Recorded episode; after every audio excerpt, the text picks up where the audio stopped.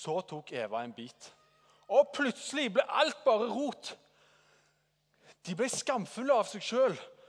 De brukte hverandre. Og de tilba verden makt, berømmelse og velstand og sko.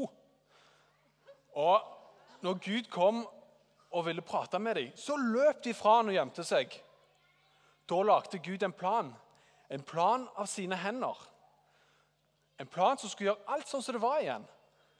Som skulle gjøre allting godt igjen. Han sa, 'Tilbe Gud, respekter deg sjøl, elsk hverandre og ta vare på jorda'. Gud valgte en mann, en mann som heter Abraham. Og Han tok han fra hjemmet sitt og til et annet land.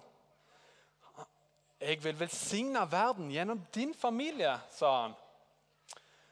Og Han ga Abraham en sønn som het Isak. Og han ga Isak to sønner som het Esau og Jakob. Og han ga Jakob tolv sønner. Tolv. Og, eh, og så kom det en stor hungersnød.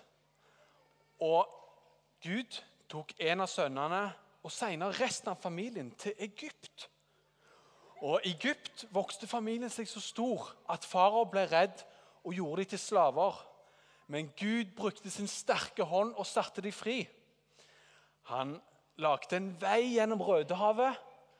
Han ga dem vann, og han ga dem mat. Og han ledet dem gjennom ørkenen ved hjelp av ild og skyer.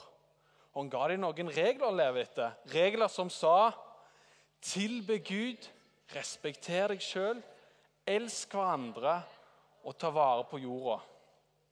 Og endelig fikk Gud folket tilbake til landet han hadde, han hadde gitt Abraham. Der alt ville være godt. Men siden de var barn av Adam og Eva, så ble alt bare rot igjen. Og de gjorde ting som de skjemma seg av. Og de brukte hverandre, og de tilba verden. Kvinnen makt, velstand og rikdom. Og mannen Ferrari. Og de løp og gjemte seg for Gud igjen. Skal vi se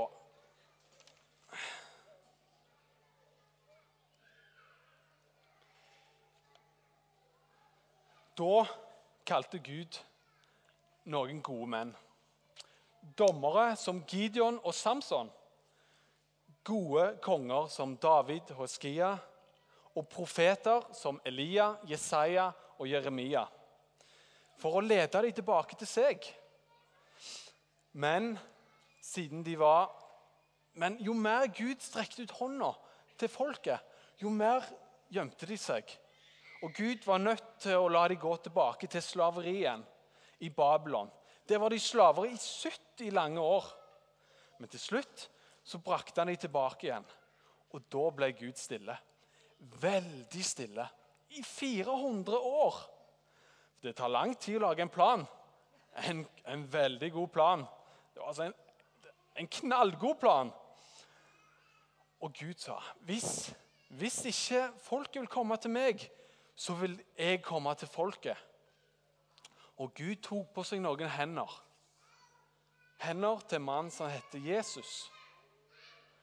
Og disse hendene snakket han til folket med, og han strakte de ut. Og Disse hendene de var som en stemme som sa Tilbe Gud. Vent. Tilbe Gud, sa han. Og han, og han, ja, ja. Og han rensa tempelet for urettferdighet og grådighet. Respekter deg sjøl, sa han. Og, og disse hendene de ønska velkommen til alle som var utstøtt. Elsk hverandre, sa han. Og disse hendene helbreda syke, tilga synder og førte fiender sammen. Og ta vare på jorda, sa han. Og disse hendene stilna stormen og gjorde vann om til vin. For hans folk de skulle være glade, og hans folk de skulle ha det godt. Men siden de var barn av Adam og Eva, så ble alt bare rot igjen. De tok hendene, og de bandt hendene. De slo nagler gjennom hendene, og de hang dem på et kors. Og når hendene ble stille og rolige, så folda de hendene og la de i en grav. Men én dag gikk. To dager gikk. Tre dager gikk. Og siden de var Guds hender, så kunne ingen grav holde dem fanga. Ingen makt kunne stilne disse hendene. Så de fjerna vekk steinen og trengte seg ut av grava. Og når Jesus gikk for å prate med vennene sine, så sa han, 'Ikke vær redd, det er meg. Dette, se naglemerkene. Dette er mine hender.' Og før han forlot dem, vinka han farvel og ga dem et ord i hånda. Gå, sa han.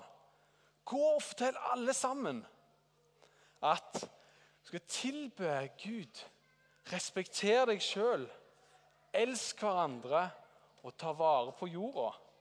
Og det gjorde de. Fra Judea til Samaria til, og like til verdens ende. Til deg og til meg. For nå er vi hans hender, og så skal gjøre hans gjerninger. Og når og han kommer en gang igjen igjen, så skal han fjerne alt som ble bare rot. Han skal tørke hver en tåre samtidig. Og gjerne gjort med hans hender og gjerninger gjort av våre hender skal være med på å skape en ny himmel og en ny jord der vi skal tilbe Gud, respektere oss sjøl, elske hverandre og ta vare på jorda. Gi dere sjøl en applaus.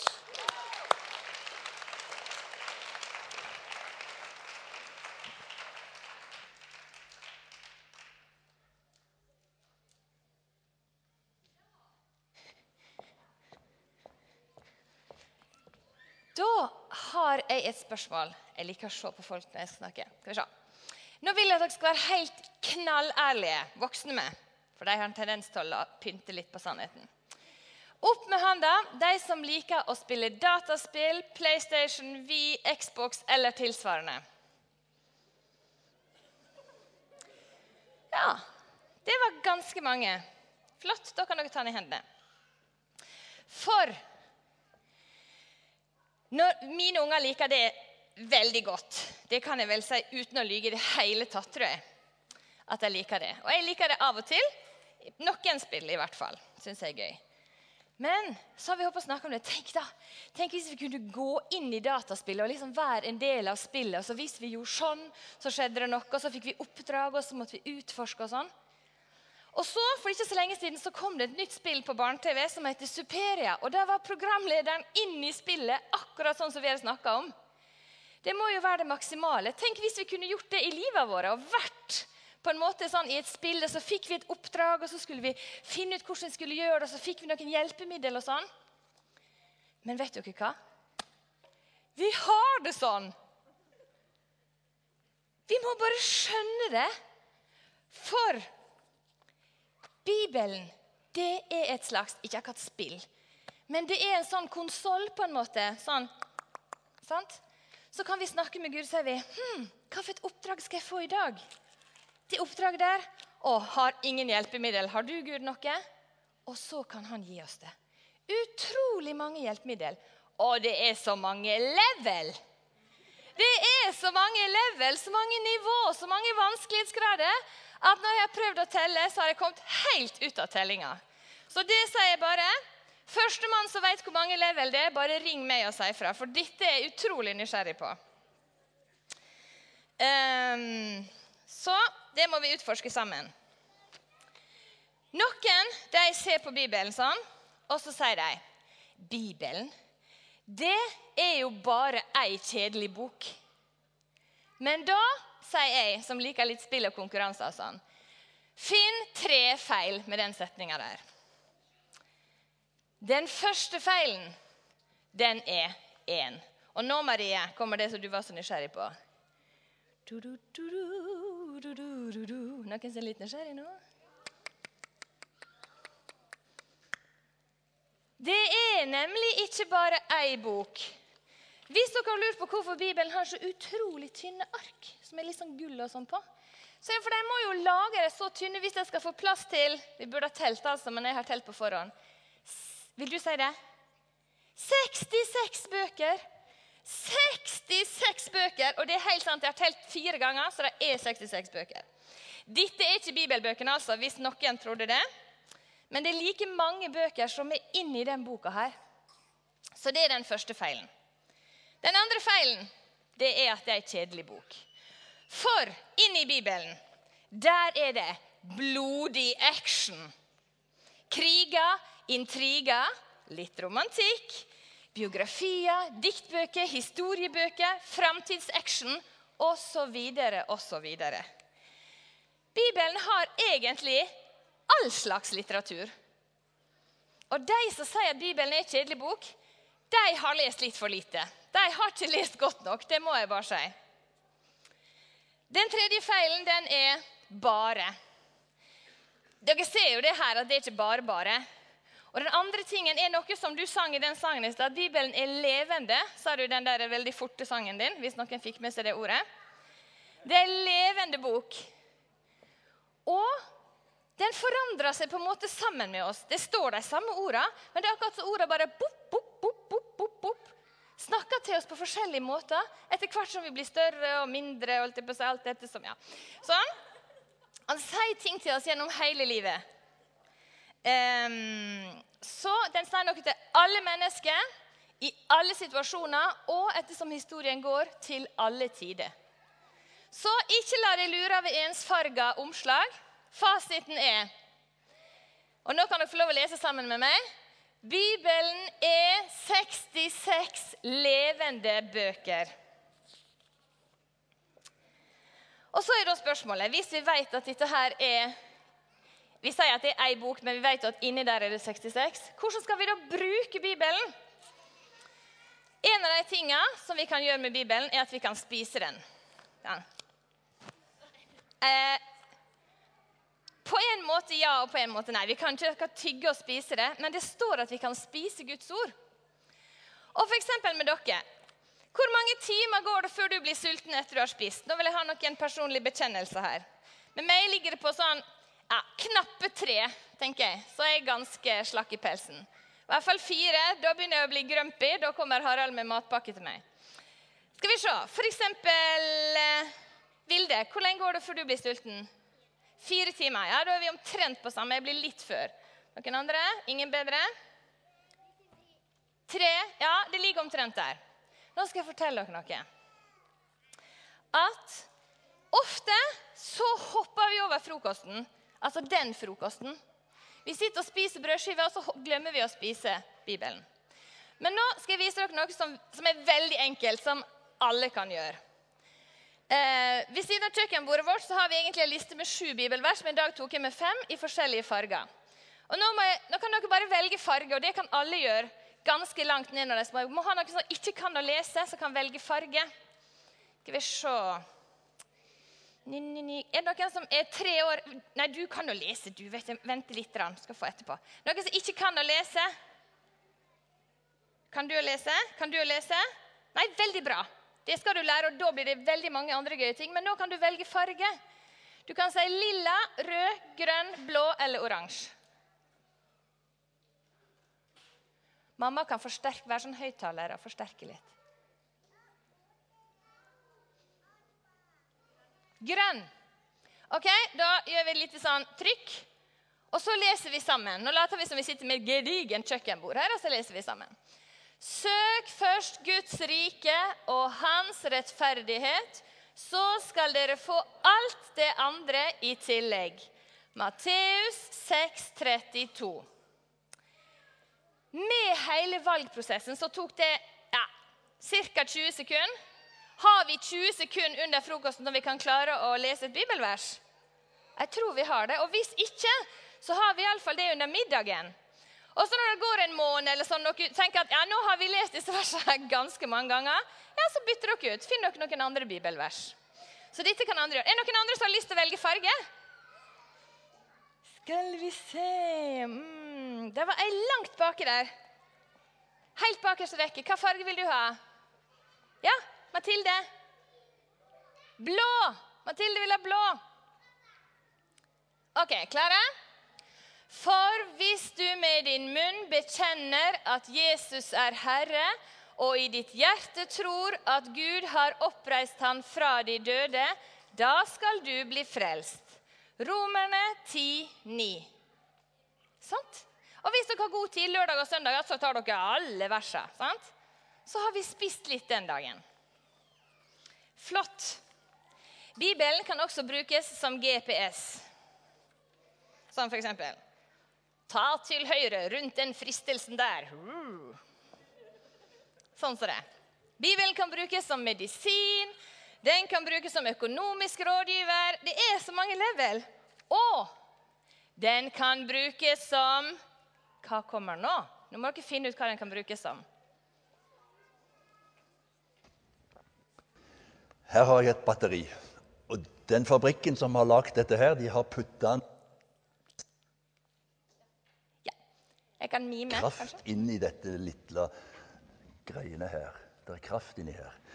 Men for å få den ut, så nytter det ikke å prøve å stikke hull og, og, og få det renne ut, eller vri det åpent, eller et eller annet sånt. Den kraften den kan vi bare få ut på én måte. Og det er hvis vi setter den inn i f.eks. en lykt, så får vi den kraften ut av. I form av at da lyser det. Da lyser det. Sånn får vi ut kraften av det batteriet. Gud han har putta en masse med kraft inn i denne boka her. Og den får vi heller ikke ut bare med å riste det ut eller eh, vri på den eller et eller annet sånt, eller bare stå og se hvor fin den er. Den får vi ut, denne kraften her, ved at den på en måte kommer inn i livet vårt. Akkurat som batteriet kom inn i lykta her, og så kom kraften ut. Så kommer kraften i denne boka. Ikke bare ved å være pynt eller fin, men vi leser det, tar det til oss, kommer inn i hjertet vårt. Og da kommer kraften fra Gud inn i livet vårt. Det er spennende å bruke denne boken. Det er like mystisk på en måte at det går an å putte kraft inn i et lite batteri og få det ut. Gud har putta kraft inni her. Han vil at vi skal bruke det i livet vårt, så det blir til noe som han hadde tenkt. Um, noen av mine barn har vært veldig opptatt av sånne serier så jeg vet ikke om det er det her Kreftfelt. Sant? Heter det De utrolige eller noe sånt, den filmen? Der er det jenter som har kreftfelt. Sant? Du -du. Men det har vi jo! Vi har Bibelen. Vi kan bruke Bibelen, og Bibelen ønsker Gud ønsker at vi skal bruke Bibelen slik at vi får kraft fra Han gjennom den. Når guttene mine var ganske små, så gikk det ikke så lenge før de begynte å bli veldig opptatt av sverd og fekting og borger og riddere og alle sånne kule ting. Og jeg tenkte som god kristenmor tenkte mm, kan jeg gi min anerkjennelse til sånn eh, krigersk eh, oppførsel? Skal vi prøve å sånn? Så tenkte jeg ja vel, vi får sjekke hva som står i Bibelen. Og så begynte jeg å lete. Og så kom jeg til Salme 37, 18, tror jeg det. Og der sto det Han lærer opp mine hender til strid. Mm, tenkte jeg da. Mine armer til å sprenne bronsebuen. Gud ønsker å lære opp mine hender til strid. I all verden, hva var dette for noe? Og Så begynte jeg og Philip og Jonathan å gå på skattejakt i Bibelen og finne flere vers som hadde med sverd og skjold og borg og sånne ting å gjøre. Og vi fant så mye, særlig i salmene, veldig, veldig mye om det. Og så har vi jo lært er veldig bra, den sangen likte den veldig godt, at Bibelen er et levende og tveegga sverd. Noen som vet hva tveegga er? Er faktisk ikke alle voksne jeg har møtt som vet det, så det er lov å late som at en vet det. Men hvis noen vet det, så kan jeg få lov å fortelle det. Hva betyr det at et sverd er tveegga? Jan? Ja, det er skarpt. Den kan skjære seg og få blod på begge sider. Det er skummelt. Tenk hvis brødkniven hjemme var sånn. At du kunne skjære det på begge sider. Skjære opp og ned på brødet. Nei, det hadde ikke vært noe. Men Bibelen er et sånt tveegga sverd som vi kan gjøre sånn Og det skal dere få høre mer om nå. For det her syns jeg var kjempespennende. At Bibelen var et levende og tveegget sverd. Og det sto så mye om sånt i Bibelen. Da måtte det være litt viktig, tenkte jeg. Men den store aha-opplevelsen den fikk jeg når jeg så hvordan Jesus gjorde det sjøl. Og nå skal dere høre hva som står i Matteus 4. Jesus han skulle være sammen med Gud, faren sin. Og så hadde han gått ut i ørkenen, og så for å ikke tenke på masse mat og pizza og pannekaker, og sånne ting, så hadde ikke han spist. Ikke på fire timer, ikke på én dag, ikke på fire dager, ikke på ti dager, ikke på 20, ikke på 30. Ikke på 40 dager. Jeg hadde nå vel ikke stått på beina. 40 dager og 40 netter uten mat. Ja, ja, sier jeg bare. Men sånn var det. Og så står det noe veldig stilig i Bibelen. Nå skal jeg lese for dere. Og han ble til sist sulten. Da kom fristeren til ham og sa Er du Guds sønn, så si at eh, disse stenene skal bli til brød. Jesus svarte. Det står skrevet. Mennesket lever ikke bare av brød, men av hvert ord som kommer ut av Guds munn. Da tok djevelen han med seg til den hellige byen og stilte ham ytterst på tempelmuren og sa Er du Guds sønn, så kast deg ut! For det står skrevet han skal gi sine engler befaling om deg, og de skal bære deg på hendene, så du ikke støter foten mot noen stein. Men Jesus sa til ham, det står også skrevet. Du skal ikke sette Herren din Gud på prøve. Så hmm, tok djevelen med seg opp på et meget høyt fjell. Og viste ham all verdens riker og deres herlighet, og sa Alt dette vil jeg gi deg dersom du faller ned og tilber meg. Da sa Jesus, Bort fra meg, Satan, for det står skrevet. Herren din Gud skal du tilbe, han og ingen annen skal du tjene.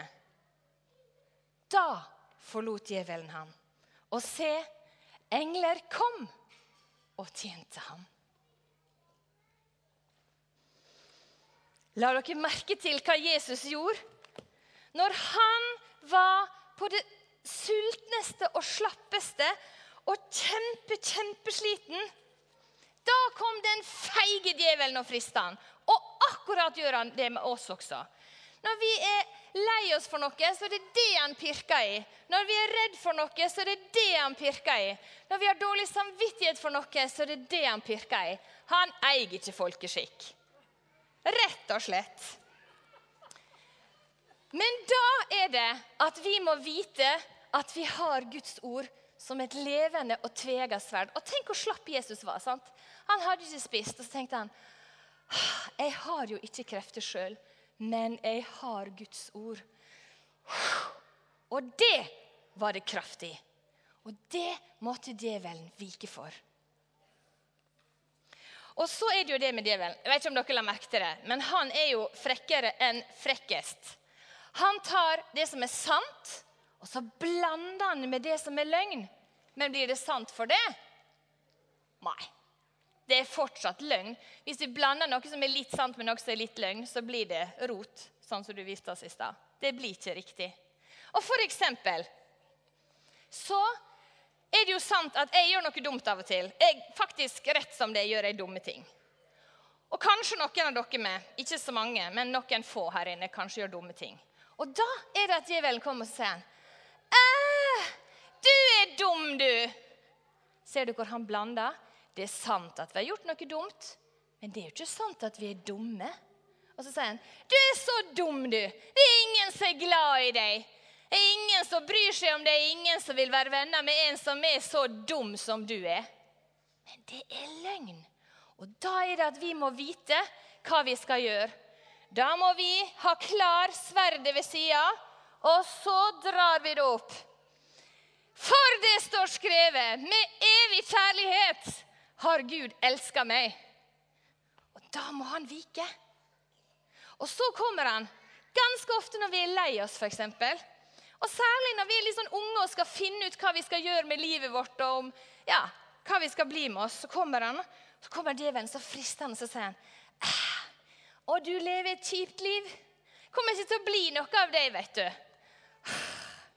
Meningsløst. Det er ikke noe vits i hele prosjektet, sier han.